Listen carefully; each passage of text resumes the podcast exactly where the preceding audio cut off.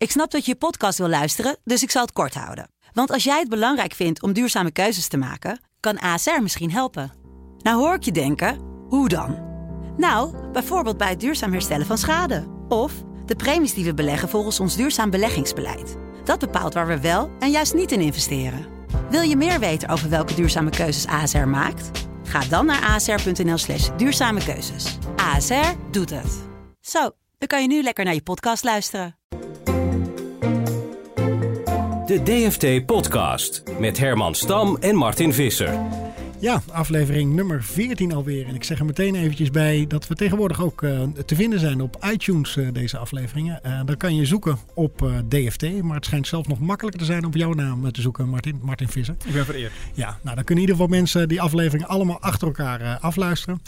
Vandaag gaan we het hebben over het CPB. Want die hebben vanochtend bekendgemaakt dat uh, 96% van die Nederlanders er gewoon op vooruit gaan. Geen paniek, maar het sentiment voelt heel anders. En uh, Martin, herken je dat sentiment? Ja, nou ja, ik zit wel een beetje in, in de klem voor mijn gevoel. Bedoel, zeker, de, de nieuwe cijfers van het Centraal Planbureau houden gewoon eigenlijk vast aan de, aan de, aan de eerdere raming.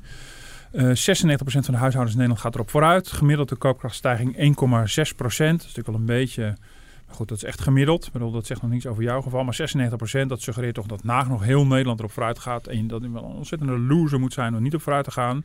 En het kan niet zo zijn uh, dat zoveel mensen tegelijkertijd het, ervaring hebben of kijken naar hun energienota of naar een loonstokje. Dat ze denken, ja, maar ik zal toch niet bij die 4% horen, net toevallig. Dus daar, daar is wel iets aan de hand. Ja, we hebben de hele dag eigenlijk al uh, debat over. Hè? Over ja. hoe je die cijfers uh, moet interpreteren. Hoe serieus je dat soort instituten moet nemen. Ik wilde gewoon eens eerst beginnen met de reacties uit Den Haag. Onder andere Geert Wilders en minister Koolmees die ook reageren op het CPW. Nou, wie gelooft uh, dat nog? Het is een uh, papieren werkelijkheid van studeerkamergeleerden die zeggen dat een verhoging in de inflatie is meegenomen of nog iets ingewikkelds. Terwijl de mensen thuis, de werkelijkheid van de mensen thuis, niet van de Noord-Koreaanse planbureaus, maar van de mensen thuis is dat ze gewoon een paar honderd euro per jaar meer aan energierekening moeten betalen. Dat gewoon de huren omhoog zijn gegaan. Dat ze meer betalen aan de boodschappen door de hogere BTW. Dat als je de pech hebt dat je wat ouder bent, dat je pensioen uh, kan worden gekort. Dat is wat mensen rechtstreeks merken. Mensen merken niets van economische groei, krijgen er nauwelijks iets bij of moeten vaak fors inleveren. Dus ja, het is denk ik een, een verkiezingspraatje um, van het CPB en opdracht van het kabinet. Nou, ik, ik begrijp dat gevoel wel. Uh, zeker ook uh, naar de alle onduidelijkheid van de afgelopen weken. En ik begrijp ook het gevoel van eerst zien en dan geloven. Het enige wat ik kan doen is zal maar zeggen, uh, de feiten blijven benoemen en toelichten. En ook blijven benadrukken dat het ramingen zijn. Ja, Noord-Koreaanse cijfers, uh, verkiezingspraatjes. Wilders uh, knalt er keihard in. Ja. Uh, ja, en Koolmees hoor je in de verdediging. Maar goed, die snapt ook wel dat sentiment. Um, jij zei vanochtend toen we er ook over hadden van... het wordt ook wel lastig als econoom als we dit soort cijfers niet meer serieus gaan nemen. Nou ja, dat is mijn bezwaar tegen zo'n reacties van Geert Wilders. Um, hij heeft over zoiets ingewikkelds als de inflatie. Nou, zo ingewikkeld is dat niet. Het is gewoon een algemene prijsstijging. Dus hij maakt het bewust ingewikkeld en maakt dan vervolgens Centraal Planbureau verdacht. Uh, dat, dat, die politieke retoriek mag allemaal. Maar ik vind dat voordat je instituties zoals het Centraal Bureau voor de Statistiek of het Centraal Planbureau op deze manier gaat aanvallen, moet je wel met heel gedegen feiten komen over waarom hun modellen niet zouden kloppen. Of het, nou, het CBS maakt statistieken over dingen die al geweest zijn. Die constateert bijvoorbeeld in januari dat de prijzen met gemiddeld 2,2% zijn gestegen. Nou, dat is een verzameling van allerlei prijsstijgingen bij elkaar. De, de, duurdere boodschappen, de duurdere kapper, de hogere energienota, maar ook het mobieltje wat goedkoper is geworden. En een enorme uh, grote, grote trommel met van alles en nog wat. Ja, dat, dat mag je best ter discussie stellen, maar dan wel feitelijk onderbouwd. En dat gebeurt hier natuurlijk niet. En als we inderdaad op een gegeven moment automatisch maar gaan denken dat CBS en CPB in, in een van de politieke complot zitten, ja, dan kan iedereen feitenvrij gaan praten. En dan houdt mijn vak ook een beetje op. Mm -hmm. Maar goed, uh, die, die trommel, daar zit ook die energierekening in ja. die je noemt. Hè? Nou, het kabinet heeft daar een blunder mee gemaakt dan krijg je uiteindelijk natuurlijk wordt de bal gewoon keihard teruggekaatst. Ja. Van, joh, uh, maar het klopt ook niet, toch? En mensen in de straat, onze lezers, die zien het niet in hun eigen portemonnee nog voor een gevoel. Nee, nee, maar daarom vond ik ook die blunder ook uh, heel erg, erg dramatisch. En, maar het moet wel even duidelijk zijn wie de blunder heeft, heeft gemaakt. Dat waren natuurlijk de staatssecretaris Mona Keizer en minister Erik Wiebes. Die wel bewust oude cijfers van het Planbureau voor de Leefomgeving, weer een andere club hebben gebruikt. De cijfers waren oud en ze hebben gedaan alsof ze over nu gingen. Dus dat is een heel doelbewust verkeerd gebruiken van bepaalde cijfers. Daarmee verhalen in de Telegraaf tegensprekend. Ehm, maar als daarmee automatisch ook dus de de geloofwaardigheid van dergelijke instituten wordt geschaad, is dat natuurlijk wel heel erg. Ik bedoel, het is niet, in dit geval niet zo dat het Planbureau voor de Leefomgeving daar een enorme flater heeft begaan en, en de minister heeft misgeïnformeerd. Nee, de hmm. minister heeft heel had kunnen weten dat hij met verkeerde, met verkeerde cijfers kwam. En dat is echt wel iets heel anders. Je hebt veel uh, contacten met dat soort instituten. Wat is een want ze, zullen ongetwijfeld ook, uh, ze kunnen moeilijk naar buiten treden heet, om zichzelf te verdedigen. Wat zeggen ze tegen jou? Nou ja, um, Um, het Centraal Planbureau is vrij ijzerheinig voor mijn gevoel. Um, dat zijn toch um, misschien toch de aard van de mensen die daar werkt, echt wel economen die gewoon geloven in. Uh, van, nou, wij, wij, wij doen het gewoon heel secuur en precies. We laten ons niet gek maken door, uh, door de, politieke winden die dan met deze kant dan weer de andere kant op waaien. Ik heb eerder wel gemerkt bij het Centraal Bureau voor de Statistiek dat men daar echt wel een beetje mee in de maag zit. Ik heb er al een tijd geleden alweer een keer een verhaal over gemaakt over de, over de, de afnemende eh, vertrouwen in dergelijke instanties. En toen uh, directeur uh, van CBS ook al gesproken, die ook wel aangaf: dit is een veel breder probleem. Dit speelt ook voor, weet ik veel, voor de hele discussie rondom vaccinatie bijvoorbeeld. Vertrouwen het RIVM nog wel. het gaat echt veel breder dan alleen maar het CBS. en het NIBUD heb ik ook regelmatig contact mee. En het NIBUD is echt voor de consument. Echt een ander soort club ook wel. Echt voor budgetvoorlichting. Die zit er echt helemaal mee in de maag. Want die krijgen heel veel reacties, net als wij bij de Telegraaf krijgen van mensen die zeggen van ja, ik kan het allemaal wel zeggen dat we erop uitgaan. Maar ik zie het gewoon echt niet. En uh, mensen komen ook echt met voorbeelden van zoveel tientjes ga ik er in mijn, mijn salaris op vooruit. Uh, maar dan vervolgens moet ik de energierekening betalen. En dan krijgen we de OZB. En dan krijgen we dit en dan krijgen we dat. En dan krijgen we mhm. dat. En de Nibud wordt er ook mee oversteld. Die zitten wel mee, uh, mee in de maag. Zouden ze meer nog uh, open kaart moeten geven, de CBB of CBS, van hoe doe je die berekeningen precies? Dat ze aan jou laten zien van joh, ja. maar zo komen we erop. Nou ja, dat doen ze ook wel. Ik, bedoel, ik, ik, heb me, deze keer mijn laptop meegenomen, omdat ik op de vraag al een beetje voorbereid was. maar bijvoorbeeld het CBS heeft, ik heb het toch vandaag weer opnieuw nagevraagd. Die hebben gewoon keurig openbaar hoe ze dat mandje maken. Dat noemen ze dan een mandje. Van, uh, nou, er zit bijvoorbeeld in dat de prijsstijging voor huisvesting, water en energie... die telt voor 25,7% mee in die ingewikkelde inflatie. Om Wilders maar even aan te halen. Mhm. In de algemene prijsstijging. En bijvoorbeeld het mobiele telefoontje um, en, en het mobiele abonnement. Wat uh, echt spectaculair in prijs is gedaald de afgelopen jaren. Zit voor 3,1% in het mandje. Nou, zo maken ze een heel mandje. Mhm. En dat geeft natuurlijk meteen al aan de zwakte. Want als, uh, als jij veel meer dan 25,7% kwijt bent per maand aan woonlasten en water en energie, gaat dit voor jou al niet meer op. Dat is natuurlijk tegelijkertijd de beperking van die cijfers. En ja, mijn ervaring is dat het CPB en CBS de eerste zullen zijn om dat toe te geven. Alleen ja, met z'n allen verabsoluteren we dat heel erg. Um, en wordt het een soort algemene waarheid. Um, en da dat begint nu heel erg, uh, heel erg te botsen. Ja. Zat andersom ook niet een aantal oppositiepartijen in Den Haag te wachten van... hé, hey, als het nu wat slechter nieuws wordt... dan kunnen we voor die provinciale statenverkiezingen eens even hard uithalen? Ja, want in dat opzicht waren de ramingen van vandaag ook al een beetje raar. Want de, de, de, de voorspelling voor de economische groei is fors omlaag bijgesteld. En normaal gesproken verwacht je dan ook dat het heel veel negatieve effecten heeft. Bijvoorbeeld A, op de schatkist, op de werkloosheid en op de koopkracht. En dat is niet het geval, alle drie niet. Dus ja, je hebt wel een soort ja, je wel een, een, een flinke economische afkoeling.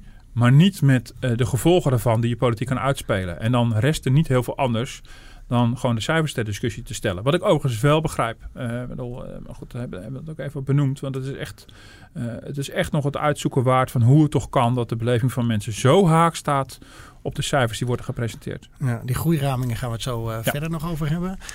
Um, kun je eens uitleggen dat CPB zelf deze cijfers die dan vanochtend uh, bekend zijn gemaakt, uh, hoe moet je die inschatten? Is dat een moment voor economen van waar ze jaarlijks op wachten? Nou, ja, ze komen een paar keer per jaar. Dit is het onderdeel van het Centraal Economisch Plan. Dat, dat klinkt inderdaad wel vrij Noord-Koreaans. Mm. Misschien, misschien wel een beetje Sovjet-achtig. Oh, ja. Net zo goed het Centraal Planbureau. Die uiteindelijk een beetje een rare naam is, maar goed, dat is historisch zo. Het Centraal Economisch Plan komt eens per jaar. En je hebt dan een macro-economische verkenning. En dat is het andere grote rapport. Dat komt altijd met, met Prinsjesdag. In dit geval uh, komt binnenkort, over, een week of twee, komt het Centraal Economisch Plan. En uh, uit angst dat de cijfers uitlekken, publiceren ze de cijfers, de kale cijfers alvast een paar weken van tevoren. En zeker, dat is al, altijd interessant om te zien van hoe, hoe, hoe, het planbureau nu de, de, de stand van de economie inschat. En in dit geval vlak voor de verkiezingen en zoveel aandacht voor de koopkracht was natuurlijk extra relevant. Ik was vooral heel benieuwd of die koopkrachtcijfers zouden worden bijgesteld omdat de loonontwikkeling een beetje tegenvalt. Ik zag al aankomen dat, uh, dat de, de, de, hele BTW-discussie en energiediscussie geen reden zou zijn voor het planbureau om, de, om die raming aan te passen. Uh, want ja, dat, dat, nou goed, ik zag uit, uit de statistieken van, van de afgelopen 1, 2 maanden geen reden daartoe. Maar rondom de lonen zag ik, zag ik die reden mogelijk wel, maar dat is dus niet gebeurd. Nou ben ik nog niet zo lang aan de slag als coördinator bij DFT. Jij volgt die cijfers al veel langer. Is, er, uh, is dit nu het moment dat mensen echt het meest aandacht ervoor hebben sinds jaren? Nou ja, dat voor mijn gevoel wel. Koopkracht is altijd in Nederland, is ook typisch Nederlands. is wel, uh, dat is wel echt een typisch Nederlands ding wel. Omdat we dat zo precies berekenen. En dat, dat dreigt ook wel een beetje een soort nationale obsessie te worden. nu denk ik wel dat er nu wel reden voor is. Um, ja, de, de situatie is natuurlijk heel raar. Dit, dit, dit 2019 zou in, in, in termen van koopkracht een soort oogstjaar moeten worden. Zo is het ook vanuit het kabinet voorgespiegeld. Maar als je macro-economisch bekijkt, zit alweer in een periode van afkoeling. Dus je zit alweer aan het eind van een economische cyclus. En dat levert spanning op. Hm. Dus, dus, dus heel veel mensen hebben zoiets oké, we hebben heel lang geduld gehad. Na heel veel zuur zou er een keer zoet moeten komen. Maar nu moet verdorie dat zoet wel een keer komen. En, daar, en logisch dat mensen daar op een gegeven moment aan gaan twijfelen. En dan denken van ja, dat kunnen die cijfertjes wel zeggen. Dus koopkracht en koopkrachtpuntenwolken, weet je het allemaal, dat is allemaal, uh, uh, daar zijn we als, als Hollanders dol op. Maar mhm. nu is het inderdaad wel extra veel. Ja. En in, is het überhaupt wel te zeggen, zo'n 96 procent? Het komt bij mij zo willekeurig over ja. 96, 95. Van. Ja, nou dat is ook precies het punt. Daar heb ik dus wel een beetje bezwaar tegen. Um, um, want dat is voor mij een schijnprecisie die je niet, niet helemaal waar kan maken. Kijk, zo'n koopkrachtcijfer van 1,6 procent, dat wordt dan uitgesplitst naar een aantal, uh, een aantal groepen, naar gepensioneerden, naar werkende, uitkeringsgerechtigden, verschillende inkomenscategorieën. Nou, dat kan eventueel dan allemaal nog. Dan kan je de belastingmaatregelen door, doorrekenen. Dat kan je allemaal wel voorrekenen. Maar die 96 ik begin me wel af te vragen of dat niet een soort, soort schijnzekerheid is. Hm. Twee dingen te noemen, eh, in de hoop het niet te ingewikkeld te maken. Um, alles gaat ook uit van gemiddeldes. Maar uh, als, jij, uh, als jouw boodschappenmandje niet voldoet aan, aan, aan de verdeling van het Centraal Bureau voor de Statistiek, waar we het net over hadden, dat jij niet 3,1% van jouw geld uitgeeft aan, aan je telefoon, dus je wijkt echt substantieel af.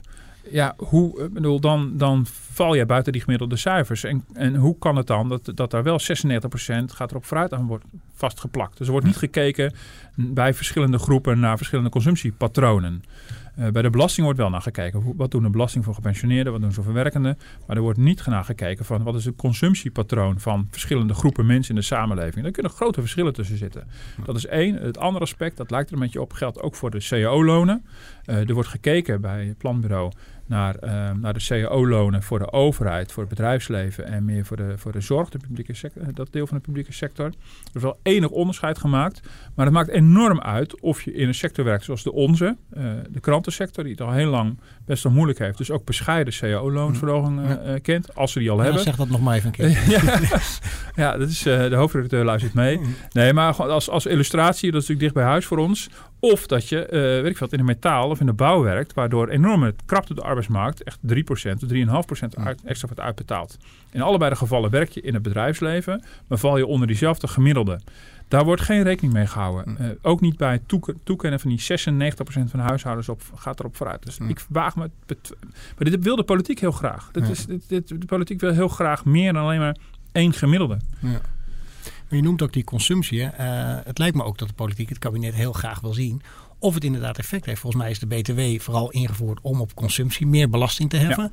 En daar wil je ook graag het effect van zien. Van werkt dat? Ja, zeker. Nee, dat, zeker. Dat geldt voor, zowel voor de BTW, dat mm. natuurlijk een, een financiële bron is voor het verlagen van de inkomstenbelasting. Dus er is een bewuste keuze gemaakt om werken lonen te maken en consumptiezwaarder te belasten.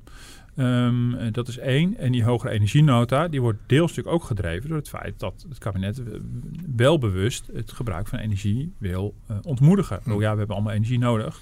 Maar dat je daar misschien uh, anders mee omgaat, zuiniger mee omgaat, dat is wel bewust beleid. Dus, dus dat ook de linkse oppositie, uh, bijvoorbeeld van GroenLinks, die voor een groen beleid zijn, nu een probleem maken met, met die verwarring rondom de energienota ja, dat is ook wel een beetje dubbel. Dat zijn problemen met de verwarring is één. Maar op zich, beleid zullen ze steunen. Want GroenLinks is heel erg voor allerlei verzwaren van, van lasten. Dus het, is, het is heel bewust beleid, dat klopt. En snap je dan de klacht van mensen dat ze zeggen van ja, kijk, ik krijg een hogere energierekening, maar er worden ook niet heel veel alternatieven nog aangeboden waardoor ik mijn huis kan vergroenen of op een goedkopere manier uh, de, aan windenergie kan komen. nou, dat, dat snap ik wel. Er zijn natuurlijk steeds meer mensen natuurlijk wel bezig met het vergroenen van hun huis, verduurzamen. Uh, maar dat moet je ook maar net kunnen. Uh, nou, als, je, als je eigen huis bezitter bent, is natuurlijk in ieder geval, dan kan je dat in je eigen huis al doen. Dat is één. Maar dat vergt ook wel een flinke investering. Dat is natuurlijk het hele, de, de, de, de, ophef die er natuurlijk is met het hele plan om van het gas af te gaan op, op, op langere termijn. Dat mensen denken van hallo, uh, als het al moet, wie gaat dat betalen? dan moet je eerst flink investeren met met de belofte dat je dan later uh, of dat je dan uiteindelijk wel minder, minder gaat kwijt zijn voor je energie. Dus ja, uh, mensen die, die dat begrijp ik wel, dat mensen daar aarzeling hebben van, van wat moet ik dan? Maar die voorbeelden komen natuurlijk ook voorbij van mensen van ja, dan doe ik met de thermostaat maar weer nog weer lager. Zeker voor minima. Ja, is dat eventueel een besparingsoptie? Dat mag toch niet de bedoeling zijn van het kabinetsbeleid. Ja. Dan laat je minima dus echt in de kou zitten. Ja. We hadden hier uh, twee weken geleden volgens mij de Nibud-directeur Arjen Vliegendhart in de studio. toen hadden we het ook uitgebreid over die koopkrachtplaatjes. jij zei ook van, ja, kunnen jullie er zeker van zijn van die getallen die je presenteert? Maar hij ging ook in op zijn eigen moeder, die volgens mij een kritische volger van hem is. Ja. En daar wil ik even naar luisteren. Ja, mijn moeder, die, die, dat is misschien wel stereotyp, maar die doet daar de, de, de huishoudfinanciën. Mhm. Die zei wel toen wij dat berekenen van, Arjan... Um, ik moet ook nog maar zien of het waar is. Uh, en of die berekeningen die jullie hebben gemaakt uh, kloppen. Uh, toen heb ik, met haar ben ik ook doorgegaan. En, en, dan zie je ook die autokorting is er echt eentje die, die nog moet komen. En die mensen dan pas ook daadwerkelijk registreren. Want de uitgaven, ja. de kosten gaan hier echt een heel stuk voor de baten. Ja, ik moest hier heel erg om lachen dat hij dit zo aanhaalde. Ik zie de discussie helemaal uh, voor me in huis en vliegend hard. Uh, maar hij zegt ook iets, en dat is misschien wat ingewikkeld. Want hij vertelt eigenlijk dat ouderen nu nog niet zoveel ervan merken. Maar pas in een belastingvoordeel volgend jaar uh, dat gaan merken. Kun je dat eens uitleggen hoe dat zit? Nou ja, daar, we krijgen natuurlijk vooral ook van heel veel gepensioneerden ook reactie. En um, dat, is wel een, dat is inderdaad wel een lastig uh, geval, uh, verhaal. Geval klinkt een beetje onaardig. Uh, verhaal. ook gepensioneerden gaan er gemiddeld genomen ongeveer 1,5% op vooruit. Heb je die gemiddeld dus weer. Um, mensen met alleen AOW hebben in ieder geval welvaartsvaste AOW. Dat is in ieder geval iets. Dat is ook een goed ding dat we dat in Nederland hebben. Dus die bewegen mee met, met de prijsstijging. Um, maar als je een aanvullend pensioen hebt dat niet wordt geïndexeerd... Um, dat aanvullende pensioen beweegt dus niet mee met de prijzen. En, dan, en dat is steeds vaker het geval. Ja, en in heel veel gevallen het geval. En voor heel veel mensen ook al jarenlang. Dus dan kachel je echt op dat stuk van je inkomen in koop achteruit. Uh-huh. Um, en dan wordt er voorgespiegeld vanuit het kabinet. Ja, maar er gaan een aantal belastingkortingen omhoog. De, de algemene heffingskorting en de oudere korting. Dus het deel waarover je, de eerste deel waarover je geen belasting betaalt. En voor heel veel gepensioneerden, die zullen dat niet meteen in hun netto pensioenoverzicht terug kunnen zien. Als je AOW hebt, een stukje aanvullend pensioen en misschien nog elders een stukje aanvullend pensioen, kan niet die hele uh, belastingkorting in één keer worden verdisconteerd, omdat je een aantal inkomstenbronnen hebt. Dus dat betekent dat er best wel veel mensen uh, in die situatie uh, pas volgend jaar bij de aangifte in maart, april uh, uiteindelijk dat belastingvoordeel dan pas kunnen gaan mhm. berekenen en incasseren. Ja. en ja, dat die mensen denken, ja, het zal mij benieuwen of ik het wel, überhaupt wel krijg. Dat begrijp ik zelf wel. Het is overigens gewoon per wet geregeld. De belastingmaatregelen, die zijn van het hele onderdeel van de koopkracht nog het allerzekerst. Mhm. Want ja, dat is gewoon belastingwetgeving en dat is gewoon ingevoerd. Alleen voor die mensen komt, uh, komt de plus echt met grote vertraging. Maar berekent het CPB en het CBS al wel dat voordeel? Dat nemen ze al wel mee nu. Dus. Ja, ja maar dat gaat over dit jaar. ja. Ja, dus dat voelt een beetje, dat, is, uh, dat staat een haaks op je huishoudboekje, zeg maar. Net zo goed als het CPB, ander voorbeeld, CBS, CBS en CPB, als ze naar koopkracht kijken, kijken ze bijvoorbeeld januari van dit jaar vergeleken met januari van vorig jaar. Terwijl heel veel mensen natuurlijk geneigd zijn om hun huishoudboekje van januari te vergelijken, te vergelijken met december. Um, maar het is steeds jaar op jaar. Dus in die zin zie je ook dat de werkelijkheden van de instituties en van hoe, hoe je zelf met je financiën omgaat, uh, wel eens uit elkaar kan lopen. Ja. Wat zie je zelf in die, want je, je hebt veel contact ook hè, met lezers hier, uh, in hun huishoudboekjes, want ze sturen allerlei mails op. Ja. Wat, wat, wat valt je dan op wat ze inbrengen?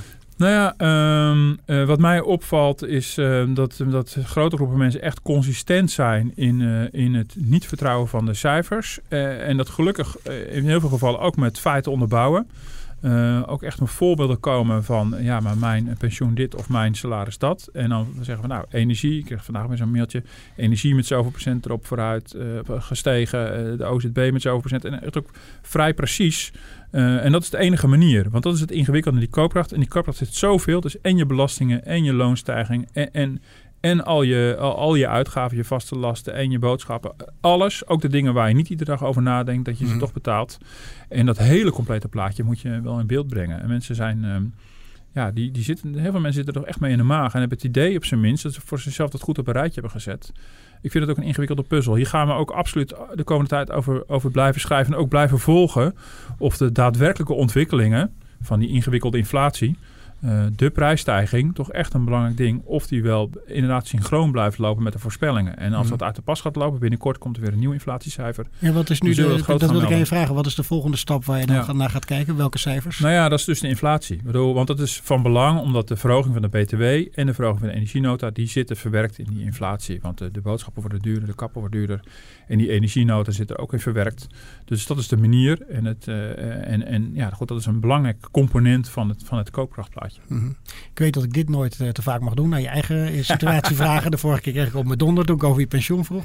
Maar hoe kijk je, je volgt dit wel qua hoe je eigen uitgavenplaatje eruit ziet voor zo'n jaar. Ja. Zie je dan ook inderdaad van, hé, hey, bij mij uh, lijkt het ook helemaal niet zoveel op te schieten als voorgespiegeld. Nou, nee, ik snap het heel goed. Want als je je loonstrook eens naar elkaar zet, dan ga je er misschien wel een paar tientjes op vooruit. Dat is ook wat het Nibud steeds zegt. Van beste mensen, het is misschien ook maar een paar tientjes.